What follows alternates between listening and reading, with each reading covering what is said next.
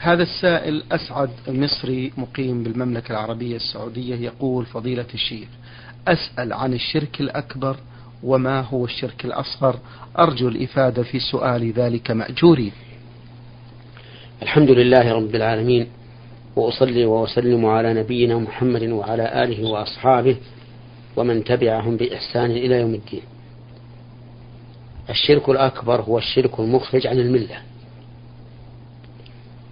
مثل أن يعتقد الإنسان أن مع الله إلها آخر يدبر الكون أو أن مع الله إلها آخر خلق شيئا من الكون أو أن مع الله أحدا يعينه ويوازره.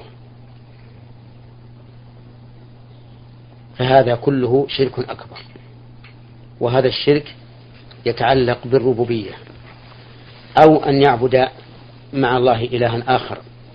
مثل أن يصلي لصاحب قبر أو يتقرب إليه بالذبح له تعظيما له أو ما أشبه ذلك. وهذا من الشرك في الألوهية.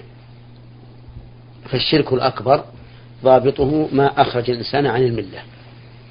وأما الشرك الأصغر فهو كل عمل أطلق الشارع عليه اسم الشرك وهو لا يخرج من الملة.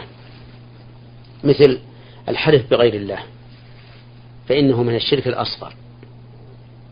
كأن يقول القائل والنبي محمد ما فعلت كذا أو والنبي محمد لا أفعلن كذا. أو يحلف بالكعبة فيقول والكعبة المعظمة ما فعلت كذا. أو والكعبة المعظمة لا أفعلن كذا. أو ما أشبه ذلك. فالمهم أن الحلف بغير الله من الشرك لكنه شرك أصغر لا يخرج به الإنسان من الملة. والدليل على أنه من الشرك. قول النبي صلى الله عليه وعلى آله وسلم من حلف بغير الله فقد كفر أو أشرك. إلا أنه إذا اعتقد أن لهذا المحلوف به من التعظيم مثل ما لله عز وجل من التعظيم. فهنا يكون مشركا شركا أكبر لأنه ساوى المخلوق بالخالق. فيكون بذلك مشركا شركا أكبر.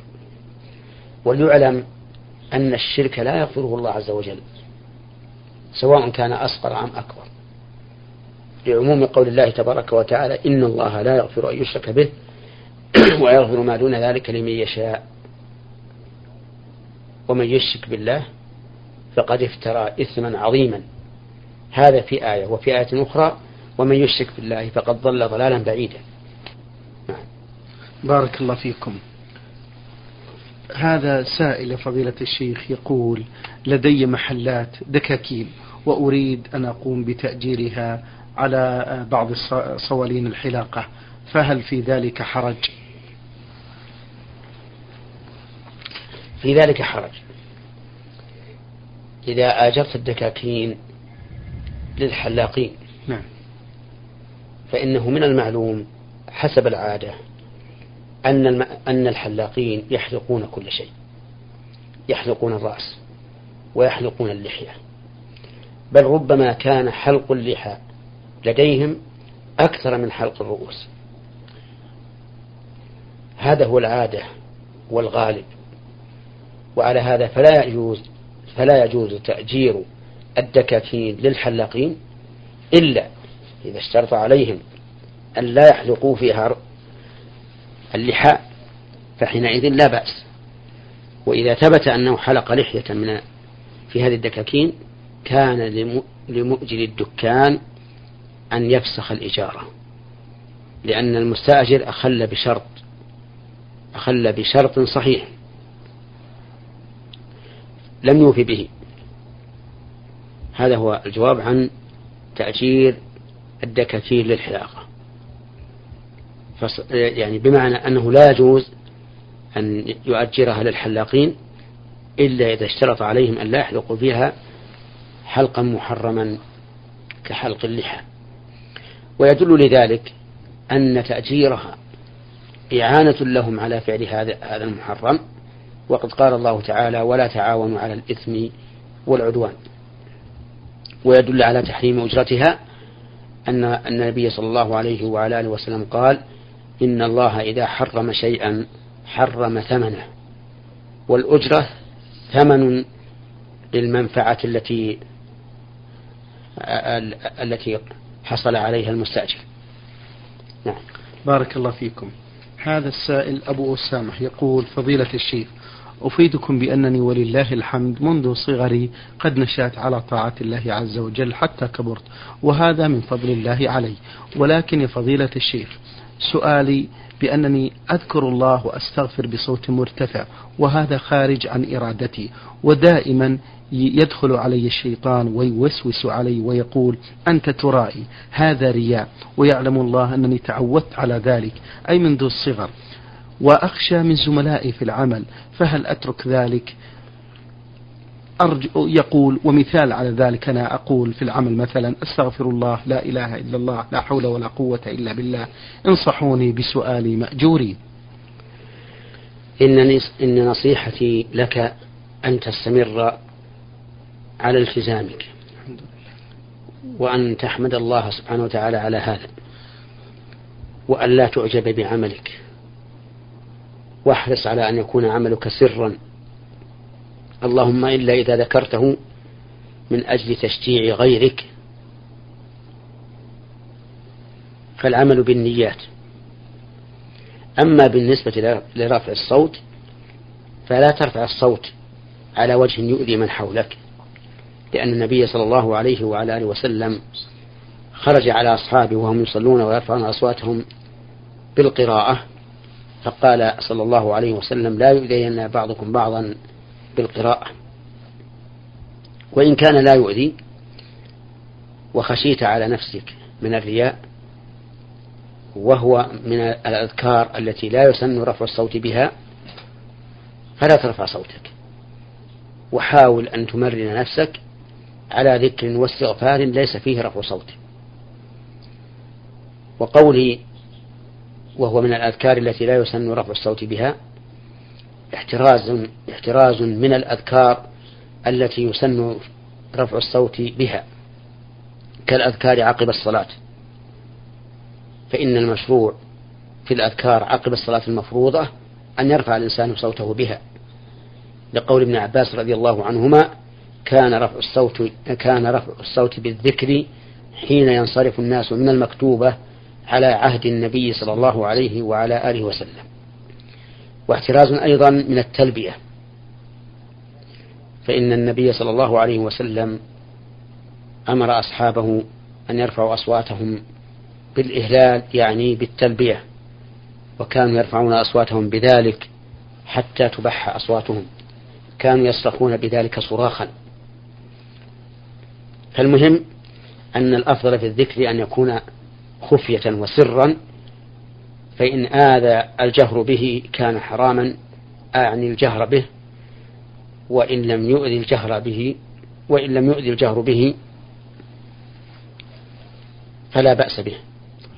إلا أن يخاف الإنسان على نفسه الرياء كما أفاده سؤال السائل فليسر به. هذا ما لم يكن الذكر مما يشرع فيه الجهر فليجهر به. نعم. بارك الله فيكم. يقول هذا السائل عبد الرحمن آه، أرجو إيضاح الفرق بين الرؤيا والحلم وما رأيكم بكتب تفسير الأحلام؟ الرؤيا جزء من ستة وأربعين جزءا من النبوة كما أخبر بذلك النبي صلى الله عليه وعلى آله وسلم. والحلم من الشيطان. الحلم من الشيطان.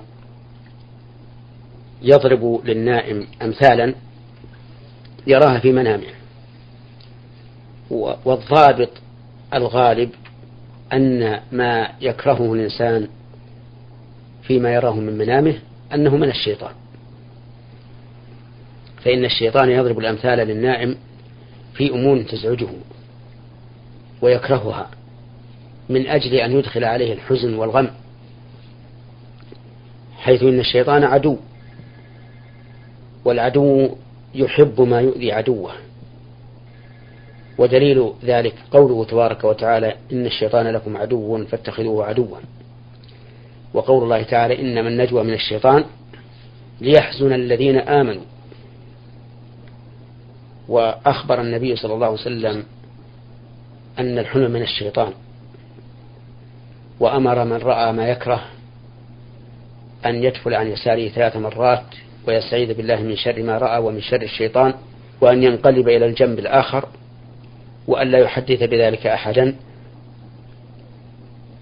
وأخبر أنه إذا فعل ذلك فإنه لا يضره ما رآه في منامه.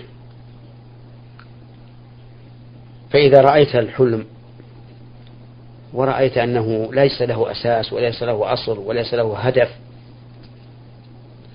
أو رأيت أنه يحسنك فاعلم أنه من الشيطان. وقد ذكر رجل وقد ذكر رجل لرسول الله صلى الله عليه وعلى آله وسلم أنه رأى في منامه أنه أن رأسه قد قطع وأنه ذهب يشتد سعيا وراء رأسه. يعني رأسه مقطوع وهرب الرأس وهذا يركض وراءه. فقال النبي صلى الله عليه وسلم لا تحدث الناس بتلاعب الشيطان بك في منامك. لأن هذا غير معقول وليس له هدف. نعم. بارك الله فيكم. يقول هذا السائل فضيلة الشيخ دخلت المسجد ووجدت الإمام في التشهد الأخير فهل أعتبر أدركت الجماعة؟ بعض العلماء يرى أن الجماعة تدرك إذا كبر للإحرام قبل أن يسلم الإمام. نعم. وعلى هذا فأنت مدرك لصلاة الجماعة. وبعض العلماء يقول إن صلاة الجماعة لا تدرك إلا بإدراك ركعة تامة. لقول النبي صلى الله عليه وعلى آله وسلم من أدرك ركعة من الصلاة فقد أدرك الصلاة. فإن مفهوم هذا الحديث أن من أدرك أقل من ركعة لا يكون مدركا للصلاة وهذا القول هو الراجح. وبناء على هذا نقول إذا أتيت إلى المسجد والإمام في التشهد الأخير وأنت تعلم أو يغلب على ظنك أنك تدرك مسجدا آخر من أول الصلاة أو في أثنائها فلا تدخل مع الإمام. واذهب إلى المسجد الآخر. وإن كنت لا يغلب على ظنك أنك ترى أنك تدرك جماعة أخرى في غير هذا المسجد فادخل مع الإمام. وما أدركت معه فهو خير. وإذا كان تخلفك هذا عن عذر فإن نرجو أن يكتب الله لك أجر الجماعة كاملا. نعم. بارك الله فيكم. يقول هذا السائل مدرس أدرس القرآن وآخذ على ذلك أجر فهل علي فهل في ذلك شيء فضيلة الشيخ؟ ليس في أخذ الأجر على تعليم القرآن شيء. بل قال النبي عليه الصلاة والسلام إن أحق ما أخذتم عليه أجرا كتاب الله. وكما أن الإنسان يشتري المصحف ليقرأ به في الدراهم كذلك لا حرج عليه أن يؤجر شخصا يعلمه القرآن. لكننا نقول الأولى بالشخص إذا أغناه الله عز وجل أن لا يأخذ على تعليم القرآن أجرا لأنه يكتسب من الأجر إذا علم القرآن بدون أجر دنيوي يكتسب أجرا عظيما. لأن قارئ القرآن له بكل حرف عشر حسنات. والمعلم الذي لم يدخل المتعلم القرآن إلا به لا شك أنه يؤجر بمثل أجر القارئ. لأنه دل على خير والدال على خير كفاعله.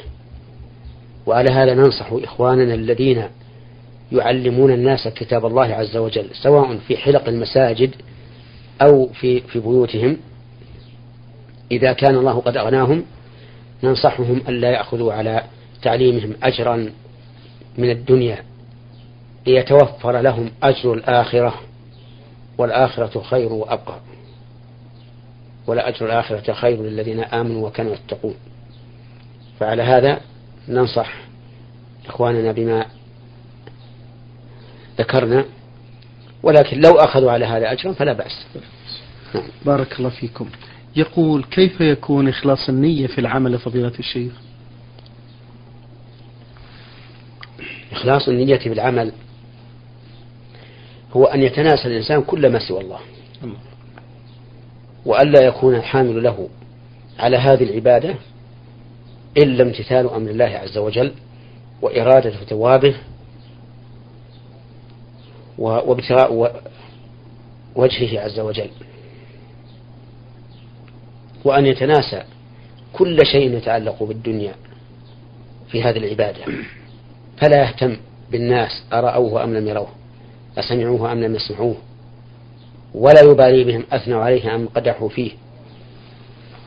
كذلك أيضا من أسباب الإخلاص أن يكون الإنسان حين فعله للعبادة مستحضرا لأمر الله عز وجل بها ومستحضرا لاتباع الرسول صلى الله عليه وسلم فيها مثال ذلك رجل قام يتوضأ للصلاة فهنا نقول أولا استحضر أنك إنما قمت. نعم استحضر أنك إنما توضأت امتثالا لأمر الله عز وجل كأنك الآن تقرأ قول الله تعالى يا أيها الذين آمنوا إذا قمتم إلى الصلاة فاصلوا وجوهكم وأيديكم إلى المرافق وامسحوا برؤوسكم وأرجلكم إلى الكعبين. وكأنك بوضوئك تقول سمعا وطاعة. تجد في هذا حلاوة ولذة وحبا للطهارة لأن الله أمرك بها. ثم استحضر أنك في هذا العمل متبع لرسول الله صلى الله عليه وسلم. كأنما رسول الله صلى الله عليه وسلم أمامك وأنت تتبعه في هذا الوضوء. وبهذا يتحقق لك الثواب والأجر للإخلاص والمتابعة. وبذلك تحقق شهادة أن لا إله إلا الله وأن محمد رسول الله. نعم. بارك الله فيكم. فضيلة الشيخ هذا السائل في آخر أسئلته يقول ما هي البدعة؟ وهل لها أقسام؟ وكيف أعرف أن هذا العمل مبتدع؟ جزاكم الله خيرا. البدعة في اللغة نعم. كل شيء يأتي به الإنسان لم يسبقه إليه أحد. هذه البدعة. هذا في اللغة. سواء كان في العادات أو في المعاملات أو في العبادات.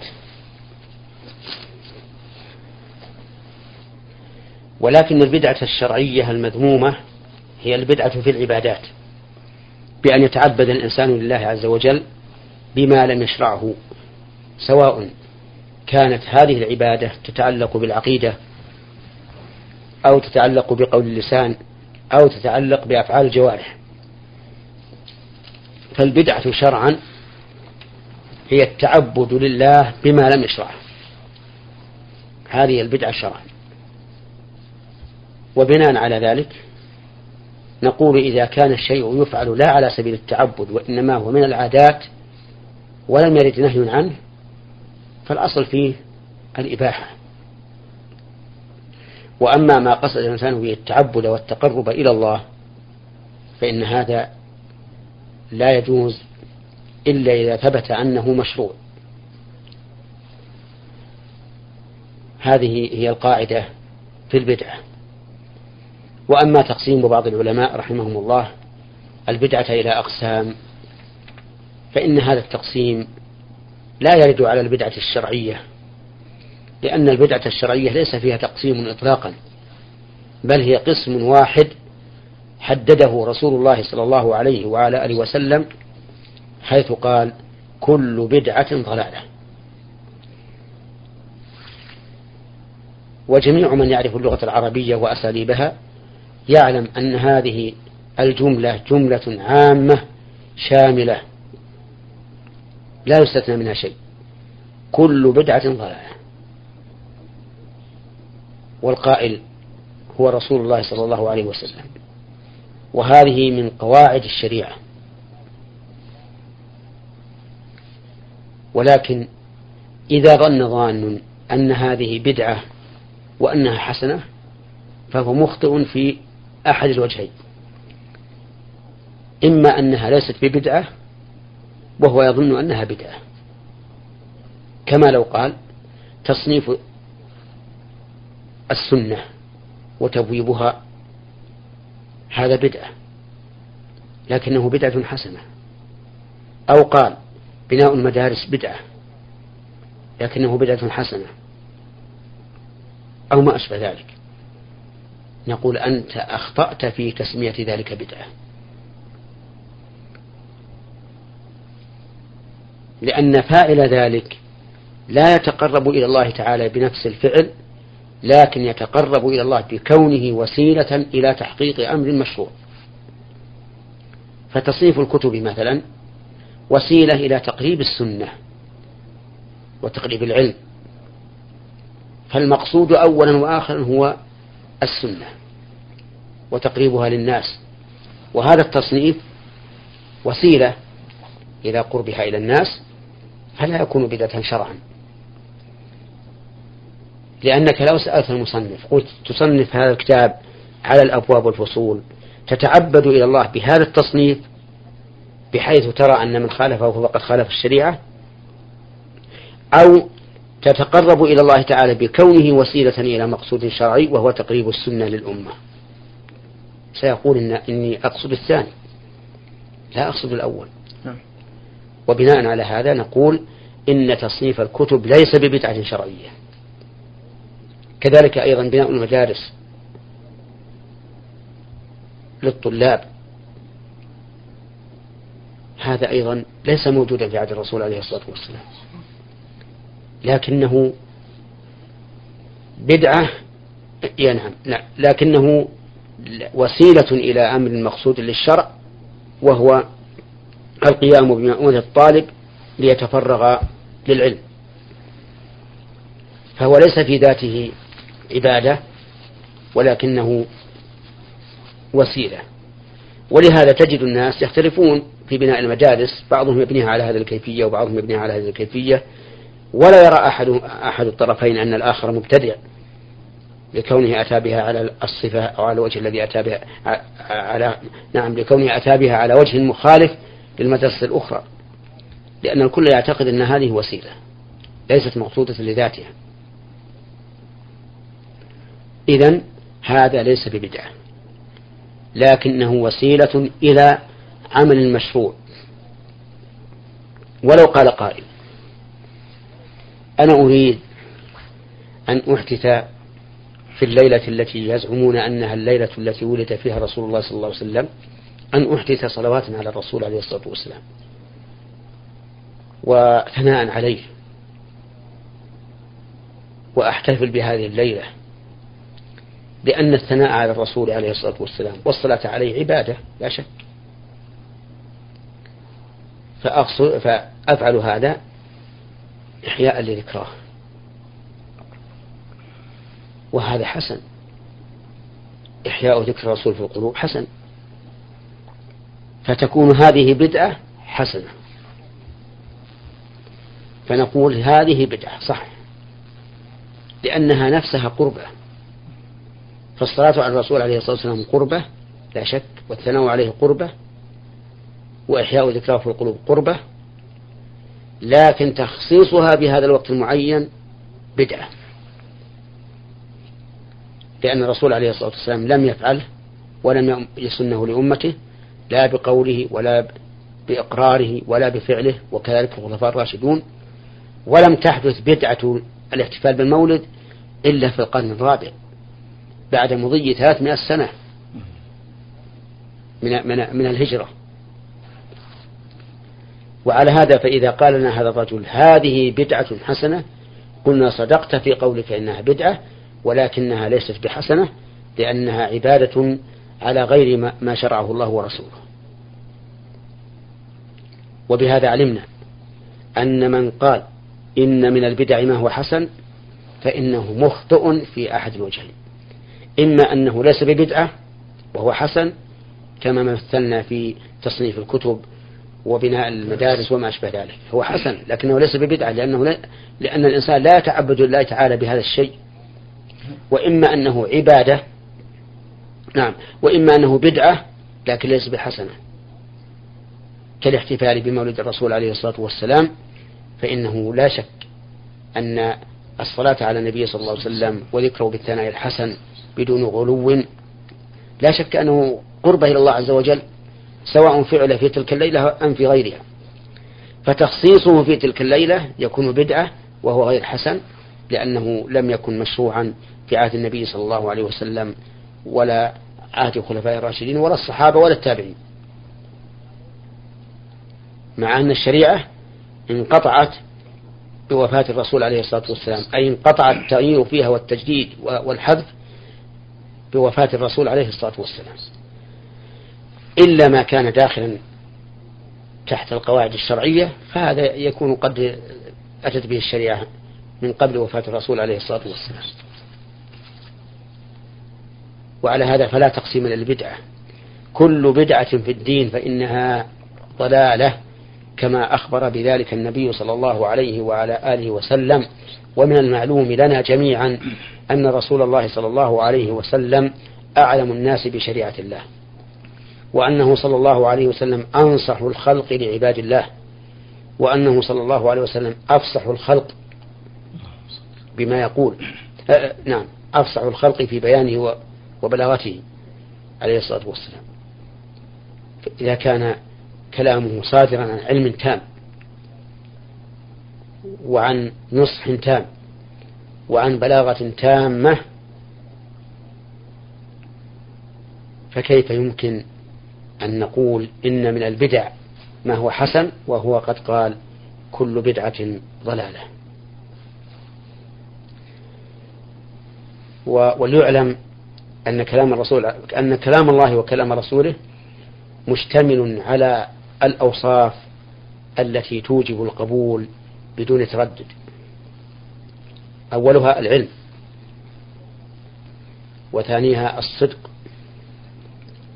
وثالثها الإرادة ورابعها البلاغة. هذه مقومات الأخبار وموجبات صدقها وموجبات صدقها. فكلام الله وكلام رسوله لا شك أنه عن علم. وكلام الله وكلام رسوله صلى الله عليه وسلم لا شك أنه عن إرادة الخير كما قال الله تعالى يريد الله ليبين لكم يبين الله لكم أن تضلوا. وكلام الله وكلام رسوله في غاية الصدق. ومن أصدق من الله حديثا وكلام وكلام الله ورسوله أبلغ الكلام وأفصح الكلام. فأفصح الكلام وأبلغه كلام الله. وأفصح كلام الخلق وأبلغه كلام رسول الله صلى الله عليه وسلم. نعم. شكر الله لكم من فضيلة الشيخ وبارك الله فيكم وفي